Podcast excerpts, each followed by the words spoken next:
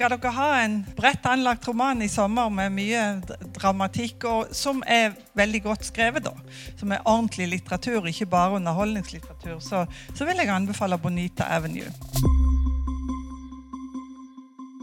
Hver vår avslutter Sølvberget bokpratsesongen med tips fra våre ansatte.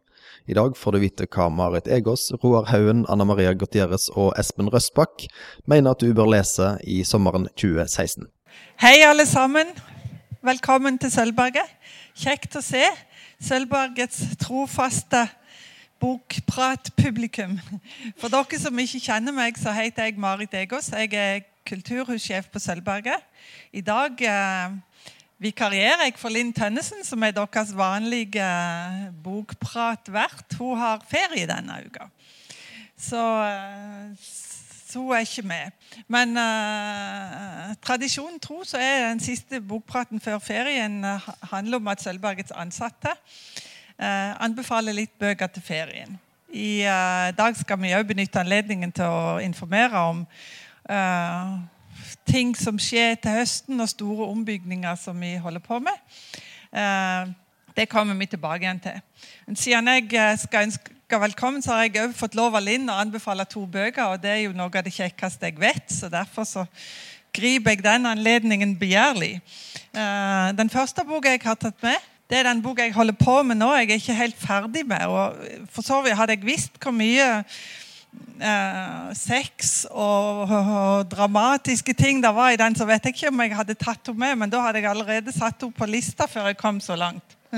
Det er en nederlandsk roman av Peter Buvaldas som heter 'Bonita Avenue'. Det er en sånn veldig bredt anlagt slektskrønike. Eh, han har blitt sammenligna med eh, På omslaget står det at det minner litt om Jonathan Franzen. Jeg syns det minner mest om uh, Jan Kjærstad sine bøker om erobreren og forføreren osv jeg kan ikke huske mange nederlandske romaner jeg har lest, og mange uh, nederlandske forfattere. så Derfor er det kjekt å lese en bredt anlagt roman fra en, et land som egentlig er så kjent, og så har de så fine navn. Han Hovedpersonen, som er en sånn en veldig mangfoldig uh, mann og professor, da, han heter Siam Sigerius. Og han omgir seg med både barn og kone og og videre. Og Det er en sånn roman som jeg i alle fall elsker. At du får liksom rulle opp litt av historien etter hvert. Det er en sånn kinesisk eske som består av veldig mange fortellinger om denne familien. Og det blir bare verre og verre, og det går nedover. Eller det vil si, han uh, Siem, som han heter, han har jo en stigende stjerne ganske lenge. men nå har jeg kommet så langt at det begynner å gå nedover veldig med han, så det, det, jeg tror det går skikkelig gale med en del ting til slutt. Men skal dere ha en bredt anlagt roman i sommer med mye dramatikk, og som er veldig godt skrevet. da, Som er ordentlig litteratur, ikke bare underholdningslitteratur. Så, så vil jeg anbefale Bonita Avenue. Ellers så har jeg tatt med ei bok til. Det er en biografi som har kommet om Doris Lessing, skrevet av en veldig ung litteraturviter som heter Elisabeth Bianca Halvorsen. Hun har kalt det en litterær forfølgelse. Og Jeg var egentlig veldig skeptisk til den, for det at Doris Lessing er en av mine store forfattere som jeg har lest i alle år, og som har betydd enormt mye for meg gjennom livet. Og hun, Elisabeth, som har skrevet denne boka, er født i 1979. Og Hun skriver i begynnelsen av boka at hun begynte først å lese Doris Lessing sine bøker i 2010. Så jeg tenkte hæ? Hun kommer ikke til å forstå noen ting av det som er viktig om Doris Lessing. Men hun har en sånn utrolig interessant metode for å skrive den biografien på at jeg ble faktisk veldig fanga inn. For hun, eh, Doris Lessing lever når hun begynner å skrive, men hun dør jo da før hun er ferdig. Men å få en avtale med Doris Lessing, intervjue henne, er liksom helt uaktuelt. For da er Doris Lessing over 90 år. Men hun, så angriper Doris Lessing veldig mye gjennom litteraturen. At hun jakter på Doris Lessing gjennom litteraturen. Men òg så reiser hun i, i, Doris Lessing sine fotspor og så jakter på Doris Lessing rundt forbi. Så det blir, sånn, det blir så spennende. Pluss at for meg var det egentlig en veldig interessant reprise av et forfatterskap som har betydd mye for meg. Så hvis det er noen Doris Lessing-fans der, så vil jeg absolutt anbefale den biografien her. Inni, inni biografien så er det òg et skuespill om Doris Lessing som hun forfatteren driver og skriver. Så det er en veldig annerledes biografi. Ja, det var mine anbefalinger. Da gir jeg ordet videre til Roar Haugen, som også skal anbefale bøker. Men han er også prosjektleder for Nye Sølvberget, så han har, kom, har, med seg litt informasjon om de ombyggingene og endringene som kommer til å skje her framover. Vær så god. Ja, takk.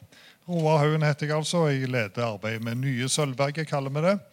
Og vi skal bygge om. Vi har lagd første etasjen, og det var første del av Nye Sølvberget. Og så er det tid for andre til fjerde etasje å bygge om. Og dessverre, kanskje for noen, og til glede òg, eh, så er dette siste gang vi har bokprat på dette arealet hvor vi er nå. Bokpraten fra 1.9., er det ikke det som er dato? Neste? Jo. Klokka 12 1.9. Da er det kinosal 1, nei, kinosal 5 unnskyld, som teller. Eh, Fordelen er jo åpenbart at det blir mye bedre lyd og lys, og det blir andre gode forhold og gode seter og sånn å sitte i. Eh, det er den ene fordelen som er for torsdager klokka tolv. Men den andre store store fordelen det er at skjønnlitteraturen kommer inn hit. Den skal flytte hertil. Den blir stående romaner her. Eh, og vi skal lage hele denne etasjen over stikkordet 'opplevelse'. Så det kommer til å bli flytta rundt på samlinger, og vi skal flytte mye nå i, i, løpet av kort tid nå. Og så skal vi være ferdige etter planen seint på høsten neste år. Sånn i november tenker vi å lande nye Sølvberget. Og da skal vi altså ha første etasje, som er møteplassen. Andre etasje blir opplevelsen. Og tredje og fjerde etasje får kunnskap som stikkord. Vi vil lage, fortsette det vi har gjort, eh, arbeidet som vi har vært nede, og lage et veldig bra bibliotek til glede for mange. Det er iallfall målet. Jeg har bare ti minutter, så kan ikke si så fryktelig mye om det. men... Uh, og, og, til alt overmål som uh, Marit var jo fornuftig og bare tok to bøker når du får fem minutter å presentere. Uh, jeg, jeg, greide ikke å begrense meg så godt, så jeg har valgt fire bøker. da.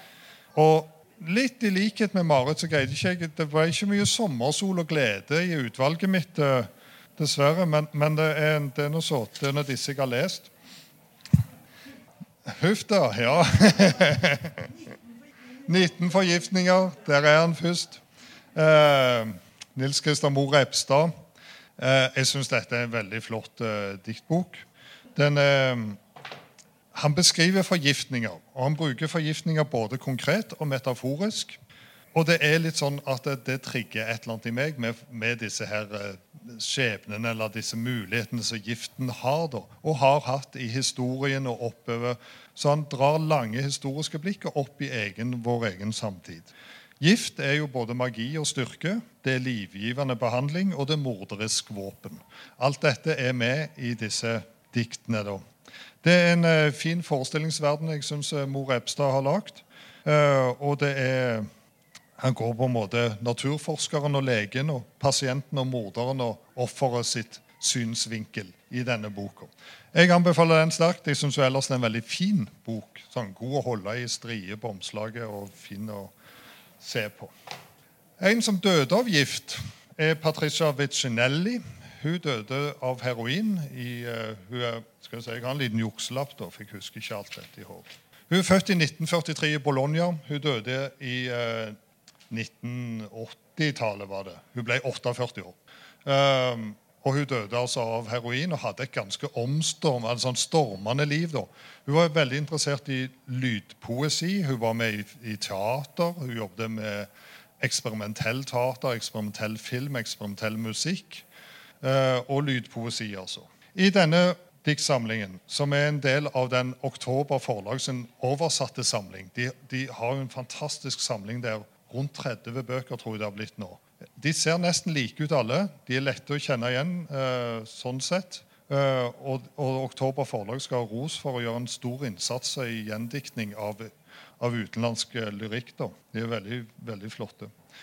Denne, som heter 'Det er ikke alltid de husker', har et sånn livsbejaende framdriv altså, som er så utrolig, samtidig som han òg er prega helt klart av noen sånne av døda i, i, motivkretsen sin. Men det er, det er, all in, for å si det på godt engelsk. det er liksom ingen mellomting i hennes dikt her. Det er 100 Det er veldig mye energi, og det er veldig mye vilje, kraft og, og ekspresjon. Så det jeg, liker det veldig godt. Det blir revet veldig med. Og, og i i fontene, måten teksten er satt opp og så bruker skrift veldig aktivt og tydelig til å drive fram lesingen og til å være, være med som en sånn viktig del av måten hun uttrykker innholdet på. Så det ja, en, en storm i språk og innhold tenkte jeg var to eh, beskrivende ord om denne boken hennes. Jeg så at han sto ikke i utvalget, men dette er biblioteket sin, men ikke registrert. Jeg legger den igjen. jeg synes noen vil ha den. Gå i, gå i skanken og få den registrert og ta den med hjem. Veldig fin. Spennende å bli kjent med henne. Mer død og fordervelse nå i Amerika. Forbrytelser i Southern Indiana. Frank Bill heter forfatteren. Dette er hans debutroman. Og jeg må si at Den første novellesamling er det. Og Den første novellen var så grusom jeg tenkte at dette orker jeg ikke. Det var helt forferdelig. Begredelig, altså. Det er et liv i amfetamin og prostitusjon og våpen og familiefeider. og så Dere må virkelig ha lyst både på å være kikkeren og dere må ha lyst til å lese noe dere vanligvis ikke leser. For dette er hardkokt. Og så kan dere glede dere med at det er noveller, så det kommer naturlige pauser. Fortellingen får en slutt. Du får puste litt ut før du gir deg i kast med neste. Eh, det er ganske brutalt, altså. Det er friskt språk og brutale handlinger. Og den som har god fantasi, skal ha mang en gang å snu boka litt vekk og tenke at dette orker jeg faktisk ikke tenke på skjer engang. Uh, så det er jo liksom uh, motsatsen til sommersol og varme og strand, da, egentlig. Narkobander og klanfeider og alt sammen blanda. Men det er jo, jeg, jeg syns jo det er veldig interessant, og jeg kjenner jo at det er litt den der kikkeren i meg som trigges og jeg får lyst til å lese den, og jeg sitter hjemme med spørsmålet Jeg håper bare ikke dette er sant. Så er det vel kanskje dessverre det. Det er White Trash America fra verste hold. Så skal jeg komme hjem igjen, da. Den siste boka med Jon Fosse, 'Stein til stein'. Dette er helt det andre. Ikke fordi at han er mindre innholdsrik, men han er iallfall mye mye mindre brutal enn de andre jeg har lest. Dette er en... Han fikk ikke verdens beste mottakelse. Det var ti år siden Jon Fosse hadde gitt ut en diktsamling når han ga ut 'Stein til stein'.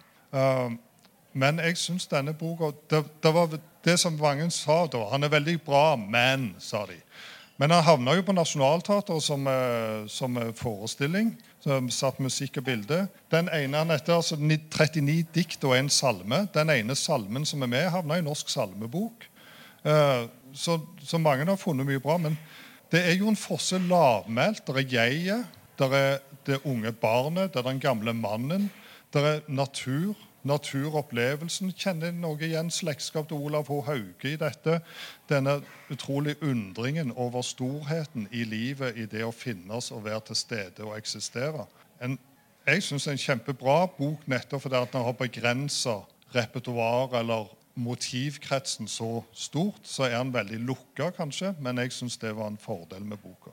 En veldig fin bok. Anbefaler absolutt. Og som alle mine bøker har vært nå, de er veldig korte, lette å ta med eh, og lette å lese, med mye godt stoff til ettertanke. Jeg takker for meg og ønsker Anna Maria Gutierrez opp på scenen.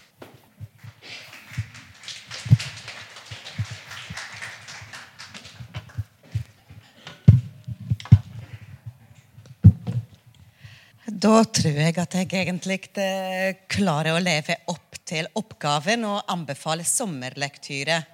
Til eh, daglig jeg leser omtrent ekstremt mye tall. Jeg jobber jo her som økonomirådgiver, og så er jeg litt sånn engasjert i politikken. Så jeg føler at når sommeren endelig kommer, så vil jeg lese ingen drama, ingen død og fordervelse absolutt ikke noe dypt og tungt, men det er alltid koselig å bruke tiden man har, til biografier. Og så har jeg en veldig fascinasjon for 60-tallet. Og det er både det vestlige 60-tallet, siden jeg er jo vokst opp i Ungarn, altså bak jernteppet, så jeg må innrømme at jeg pugger alt den historien som har skjedd, uten propaganda, nå som voksen. Og så er jeg veldig fascinert av Stavanger sin 60-tall. Og derfor egentlig utvalget mitt eh, reflekterer jo det. Eh, den ene er jo sjølbiografien til Keith Richards, som eh, jeg lånte egentlig først som e-bok gjennom e-bokordningen til Sølvberget to år siden. Og så ble jeg bare så fascinert at jeg måtte bare kjøpe boka sjøl. Eh, det er jo gitaristen i The Rolling Stones. Eh, mange sikkert vet veldig godt hvem han er. Og jo, han lever ennå. Selv om egentlig sikkert han har vært døden ned med heroinmisbruk sånn 10 000 ganger, så lever han ennå. Og det er nesten litt pussig, så, så, så, er han morsom. Eh, faglig. Jeg fikk lære veldig mye hvordan de har komponert de klassiske sangene deres i The Rolling Stones. Med all den dedikasjonen til det til den mørkeste bluesen de kunne finne akkurat i 50-60-tallet. Og hvordan de som hvite britiske gutter prøvde å leve opp til det, det, det svarte bluesen de har hørt på med så stor beundring fra Amerika. Uh, jeg var nesten litt overgitt òg, egentlig, hvor søt han var. uh, uh, det høres veldig teit ut, men når du ser den unge gutten en gang han var, så ligner han ikke på han sjørøveren sånn som han ser ut nå i dag. Så, så, så er, boka er full med latter søte fortellinger om kompiser i kunstskolen i Sør-London, helt til sjørøverhistorie med Roy Orbison og Gram Parsons. Alle de som har spilt i 60- og 70-tallet, og dette var bare good feelings. Så jeg kan definitivt anbefale den sjølbiografien. Du kjenner jo igjen litt sjela, den sjørøveren som Keith Richards er, gjennom fortellingene.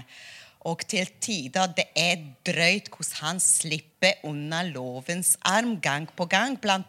den ene gangen ut på Hawaii, takket være til en ananasmillionær Som egentlig kvelden før eh, Han, Keith, har egentlig tilbrakt natta med datteren hans i, uten klær. Likevel kommer jo til hjelp denne millionæren for å løse han ut fra visse narkotikasiktelser. Så det er full med anekdoter. Masse kjekt. Anbefales.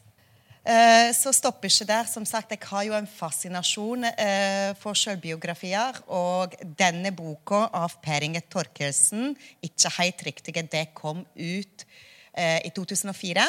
Eh, jeg er fascinert av det pga. det er jo skrevet på dialekt.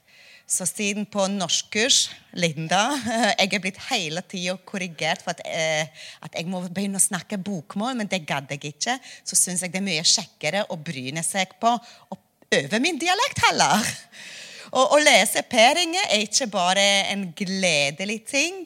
Eh, men også veldig fint for dialekten. Så det er jo herlig. Også dette er jo egentlig selvbiografien hans. Eh, hvordan det var å vokse opp eh, her i Stavanger. Hvordan han var egentlig Det eneste roseord han har fått fra mor, var at han var en veldig snill foster eh, til hvordan han lurte jo arkeologer med kinesiske mynt mens de holdt på å pusse opp Jotorjo.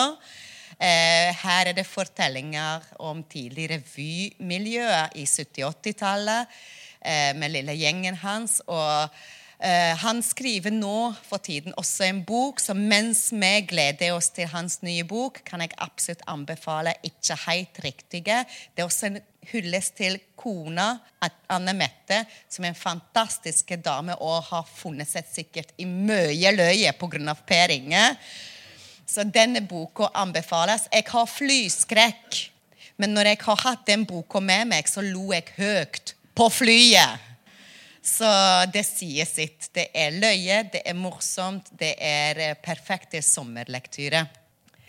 Eh, så, eh, så har jeg kommet forbi dette egentlig nå til jul. Knut Vindfallet er egentlig en pressefotograf, og hans bok det er òg en sjølbiografi i bilder.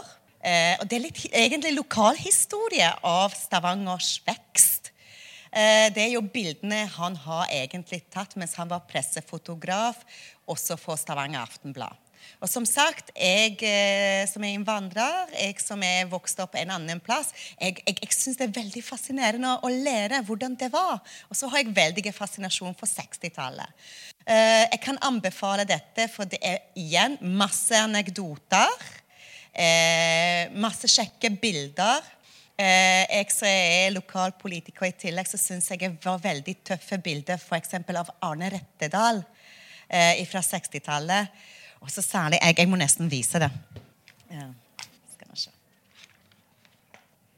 Her er det et blinkskudd egentlig av han kong Olav som knytter skoene sine. Og så ser du veldig tydelig på bildet av Arne Rettedal at han var ikke mye fornøyd med at noen av disse journalistene eller fotojournalistene har tenkt i det hele tatt å ta bilde av kongen bøyd over. Så det blikket klarte å fange det øyeblikket at var det nødvendig? Uh, og disse anekdotene gang på gang er i denne boka. F.eks. hvordan sirkusdirektøren Arnardo har egentlig dukket opp i en hage med en elefant for å fjerne en trestubbe. Og egentlig i huset ved siden av var det en brudgom som har hatt jo utdrikningslaget sitt kvelden før. Og begynte å lure på fet, hvordan i huleste en elefant har dukket opp i hagen sin. Uh, så jeg, jeg, kan godt si at alle de som er glad i lokalhistorie, sjekker bilder og mimrer litt. For disse bildene tar oss tilbake i tid. Og ja, det er mye latter og en del tårer. For ja, senkingen av Kielland. Eh, plattformen, Alexander Kielland-plattformen er også egentlig dokumentert i disse bildene, så den kan jeg anbefale med varmt hjerte for Stavanger og for Knut Vindfallet. Um, og den siste jeg vet ikke hvor mange av dere er på Instagram. Uh, men uh, dette er egentlig det jeg, er en travel småbarnsmamma og har masse masse, masse ting jeg holder på med. Men av og til det er en veldig fin avbrekk for min del å bare gå inn på Instagram, som er jo en sånn fototjeneste der det blir formidlet korte dikt. Og ikke av den tunge slaget. Det, her er det ikke noe død og fordervelse. Men av og til det er en flott poetisk pust i bakken. Og bare glemme seg ut i to sekunder med en kort dikt. Og bare slappe av og finne ro i sjela. Det er den Instagram-kontoen som heter Ren poesi. Og denne Instagram-kontoen har gått fra digitalt til papirformat nå i jul. Og det selges Eh, det er på tilbud forresten på Nordli for 99 kroner. Men, eh, men, eh, men, for å si det sånn Den er lett å ta med seg. Den har jeg nettopp hatt med meg til Cuba, på en strand. Og det var bare så herlig. Nydelige omgivelser. Fred og ro. Så bare en liten dikt mellom paraplydinkene.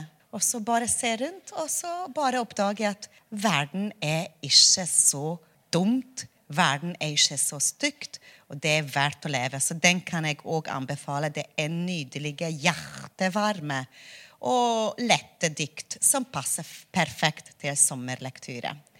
Og med det kan jeg òg anbefale igjen digital formidling. Nettsidene til uh, Sølvberget er nå fullt med gode sommertips Eh, både fra tunge til eh, ikke så tunge skjønnlitterære anbefalinger som vi har på Sølvberget sine nettsider. Sommerlektureanbefaling. Så hvis ikke det var nok, så kan dere bare gå inn på nettsidene til Sølvberget. Takk. Da er det Espen Røsbakk som er nest ut i rekkefølgen, så nå må du springe her, Espen. Skal jeg passe på babyen?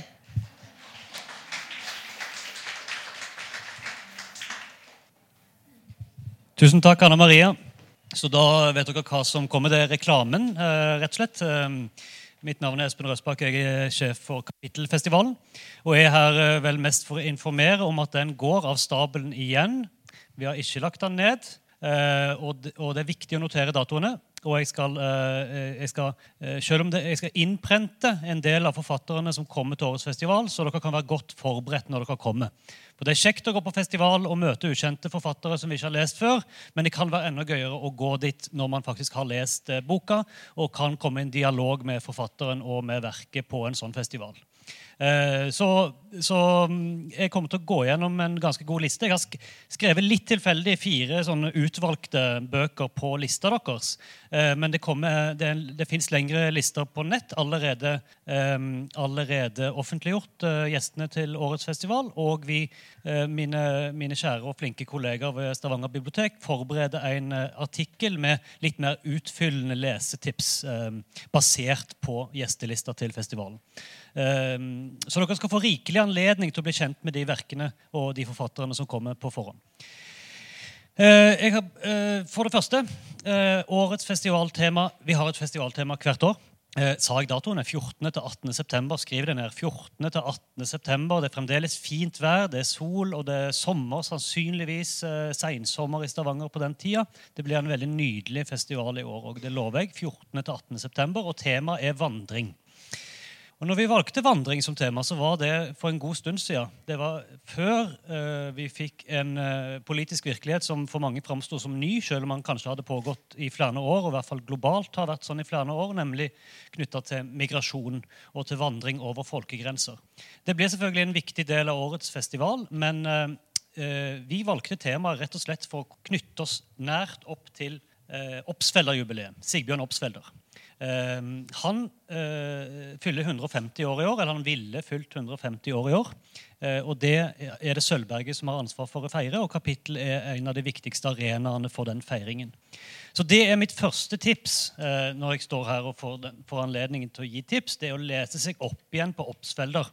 Og ikke bare lese 'Jeg ser' om igjen. Det kan dere egentlig bare droppe, for det er så mye spennende i den katalogen som de færreste egentlig har lest. Folk leser 'Jeg ser' i skolebøkene. De leser kanskje 'Rein', eh, som blir oppfatta som et barnedikt. Og så glemmer, glemmer, vi å lese eh, notatene, aforismene, brevene, eh, som er utgitt, eh, i, eh, utgitt, i, en vanskelig tilgjengelig eh, verk, men de samlede til, samlede skriftene til Oppsveller foreligger jo. Så for de som har krefter til det, så vil jeg absolutt anbefale å lese seg opp igjen i, i jubileumsåret på vårt bysbarn Sigbjørn Oppsfeller. Eh, det er noen fantastiske brev fra Amerika, blant annet, hvis noen har lyst på et spesifikt tips. som jeg godt kan anbefale. Men Oppsveller var en vandrer, og det er derfor vi har valgt vandringstematikken. Og Han var en vandrer i rent fysisk, konkret forstand. Han vandra i fjellet, ikke bare i tanken, eh, men han var òg selvfølgelig en vandrer i, i, i tanken og i det litterære. Og Det er derfor vi har valgt vandring som utgangspunkt for årets festival. Og Da er det de to linjene vi, vi, har tenkt vi skulle gå. Den fysiske vandringen, det å gå i fjellet, altså den norske eh, Tåposen eh, fjellvandring, eh, og det å vandre i litteraturen og i tankene og i filosofien. Eh, åpningsforedraget eh, kan jeg allerede avsløre. Det, noe, det blir av eh, Arne Melberg. Og han kommer til å snakke om, og skal bare nevne raskt tre, hvis, hvis noen har lyst til å Eh, noen klassikere til som kan være interessant å ha med som bakgrunn for vandringstemaet. Og det er, Han skal snakke om i åpningsforedraget eh, tre filosofer som skriver veldig litterært, og som kan leses som litteratur. Eh, Rousseau og Montaigne og Nietzsche. Eh, så hvis noen har lyst til å liksom få med seg eh, grunnlaget, det filosofisk-litterære grunnlaget så å si, for årets kapitteltema, så er det bare å plukke opp noen av klassikerne til Rousseau eller Nietzsche eller, eller, Montaigne. Og Det har sikkert mange av dere gjort. Det er kanskje noen år siden. Det er nok en sånn serie med, med tekster som, som jeg syns alltid er verdt å friske opp igjen. Um, um, Se, hvor, er det Nietzsche skriver mest om det å vandre? Det er f.eks. i Den glade vitenskapen. Så Det kan være et sted å begynne. En fantastisk bok. Altså, jeg har aldri lest Nietzsche for, eh, for eh, innsiktene, egentlig. Det er ikke noe poeng. Da kan man heller lese en sånn Nietzsche-kjenner som kan dissekere Nietzsche og si hva, hva er det Nietzsche egentlig prøver å si oss? Hva er kunnskapen her, eller visdommen? Hvis man har lyst på å få livsvisdom og livsfilosofi ut av han. Man må lese Nietzsche for språkføringen. Eh, derfor må man også lese en god oversettelse. Den norske oversettelsen av Den glade vitenskapen er, er, er dårlig. Jeg plukka den opp for et par uker siden. Så ta en svensk oversettelse eller en engelsk, eller les det på originalspråket helst. Det er jo fantastisk flytende tysk. For de som kan tysk, så er det det aller, aller beste selvfølgelig å lese det på tysk. Ok, jeg snakker meg vekk her. Ehm, uh, greit. Det var vandring, vandring, vandring vandring i årets kapitteltema. Og i den anledning, og dette er en god grunn til å kjøpe kapittelpass tidlig i år. For det vet jeg at de aller fleste av dere skal ha, for dere er veldig aktive brukere av festivalens tilbud. I år inkluderer kapittelpasset, og det er uten at prisen er satt opp, prisen er den samme som i fjor, men kapittelpasset inkluderer medlemskap i Turistforeningen. i Stavanger Turistforening. Det betyr at hele sommeren, kjøp det i dag, Hele sommeren kan dere gå fra hytte til hytte til rabattert pris. Få alle disse kjekke turistforeningstilbudene og altså da eh, være med å legge litt sånn ekte svettelukt over årets festival, som jeg har skrevet i den ene pressemeldingen. For det er det jeg vil ha. Jeg vil at vandring ikke bare skal bety det der eh, metaforisk at du vandrer i tanken, men at det skal faktisk bety at folk tenker på å gå og svette og, og, og, og få gnagsår etc. Greit, da skal jeg begynne. Så skal jeg si én ting til. Nei, det skal jeg ikke. Jo, en klassiker til som kan være greit å lese, seg opp i til årets festival. Vi har nemlig et uh, flott samarbeid for første gang med Norsk Orgelfestival, som går av stabelen parallelt med kapittel. Um, felles arrangementer og felles markedsføring. og vi, vi, tenkte vi skulle se på det som et pluss og et gode at vi går av stabelen samtidig. Et av samarbeidsarrangementene er knytta til uh, Dantes Inferno. Det er en komponist som har, eh, nei, som har skrevet et uh, orgelverk. Jeg husker ikke navnet på komponisten akkurat nå. Over Dantes Inferno. Og Det er da nok en klassiker jeg vil anbefale å lese seg opp igjen på. Spesielt hvis dere òg er interessert i orgelmusikk og har lyst til å gå på den konserten. For Da er det greit å ha det litterære forelegget litt sånn ekstra present. Men nå har jeg anbefalt, altså, har jeg anbefalt uh, Sigbjørn Obsfelder, Rousseau, Nietzsche og Montaigne og Dante. ikke sant? Så det, altså, det er ganske heftig for sommerferien. Så nå skal jeg gå over litt til det mer sånn uh, aktuelle. Um, og da, altså, da, er det f.eks. de fire jeg skrev opp. Um, jo, jeg må si Thomas Espedal. da, For det er jo eh, helt sånn grunnleggende anbefaling for årets festival. Hvem har skrevet om vandring i norsk litteratur de siste årene? Den aller aller mest kjente profilerte eh, er vel Thomas Espedal, som har skrevet 'Gå' eller 'Kunsten å leve et vilt og poetisk liv'. Sånn er jo titlene hans. Eh, det er jo delte meninger om Thomas Espedal. Um, eh, jeg syns denne boka er, er, er veldig uh, flott. Det handler egentlig om at han går, og at han reflekterer over det. Og Den er veldig sånn, lett tilgjengelig på den måten. De tidlige verkene til Thomas Espedal er jo håper å si, delte meninger om, men de siste bøkene fra gå og egentlig utover er jo det som har gjort han til en på en måte folkeskjær forfatter. Eh, så egentlig så starter forfatterskapet hans, i hvert fall det, den delen av det som jeg liker, starter med denne her eh, gå eller kunsten å leve et vilt og poetisk liv. Og Det er jo midt i kjernen av årets kapittel. Så de som ikke har lest den, den er jo ganske kort òg, så er det absolutt en måte å, å, å komme inn i essensen på. Se hvor stor skriften er. Ja, Det er ganske stor skrift også, så dette her er utlest egentlig på en dag. En god, altså en, en god dag, og så mm, ja, vi er ferdig med den Thomas Espedal-boka. Takk. Også uh, Ja. Det var det. Yes.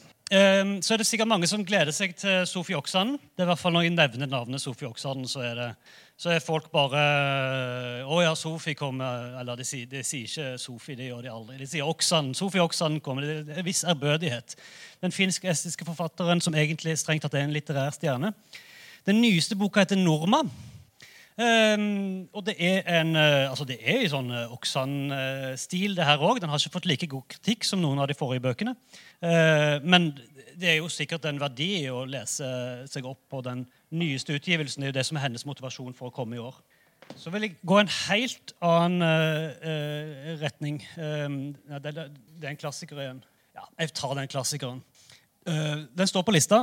Robin Davidson Tracks. Robin Davidson skrev denne boka på 80-tallet. Etter at hun hadde gått over uh, det australske kontinent uh, på føttene. For to år siden så kom det en stor amerikansk film basert på boka. Uh, det er sikkert, det er kanskje ikke så fryktelig mange som husker den, men den ble gitt ut på norsk på 80-tallet og på ny i denne her Sporserien til Aschehoug i år um, 2000. Egne veier heter han. En kvinne og fire kameler gjennom Australias ørken. Eh, og Den vil jeg jo gjerne at så mange som mulig plukker opp foran hennes besøk. For hun, hun, kommer jo helt fra Australia, så da vil jeg gjerne at folk i Stavanger skal ha et forhold til den boka. Eh, utrolig interessant dame. På mange måter. Hun har jobba akademisk med nomadiske kulturer i etterkant i mange år. Eller ikke bare akademisk, men populære, eh, populærvitenskapelig og skrevet om nomadiske kulturer. Så hun er jo midt i blinken for vandringstema.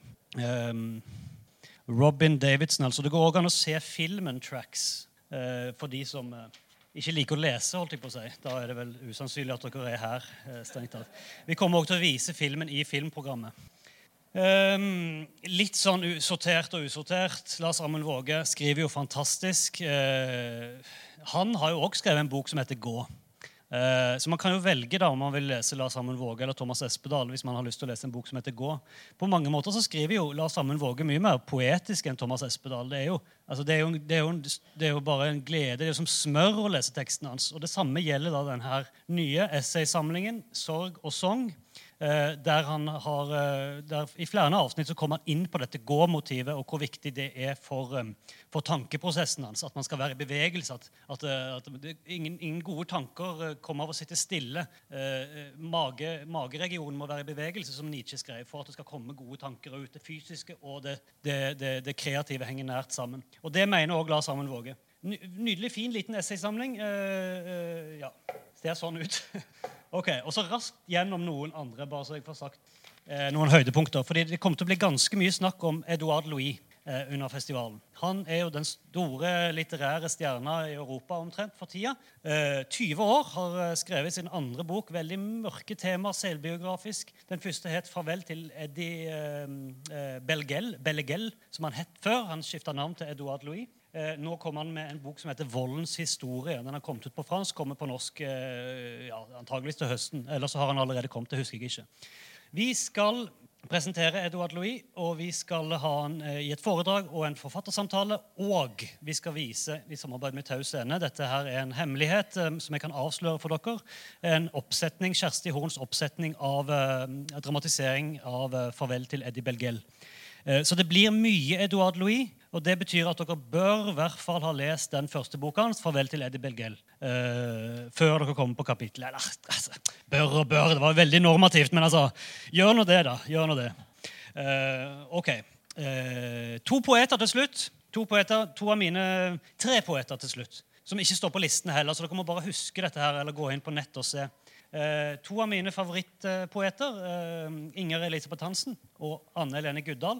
Uh, jeg leser ikke så fryktelig mye poesi. Jeg er ikke så, egentlig så glad i det. Så jeg krever at, jeg, jeg, jeg vil gjerne at det skal, være, ha litt sånn, det skal ha en kobling til den politiske virkeligheten. Det skal være konkret. Det skal, være liksom, det skal, ikke, være sånn, det skal ikke være så svevende. Så dette her er liksom, det synes jeg er sånn konkret, god uh, lyrikk med koblinger til liksom, den politiske virkeligheten, hvis dere forstår hva jeg mener. At det ikke er, ja, at det ikke er for mye svevende og for mye lyrisk jeg som bare svever rundt. Eh, så, både Anne Lene Guddal og Ingrid Elisabeth Hansen, fremragende uh, poeter, som kommer på festivalen til en ganske stor poesisatsing i anledning Oppsvellas 150-årsdag.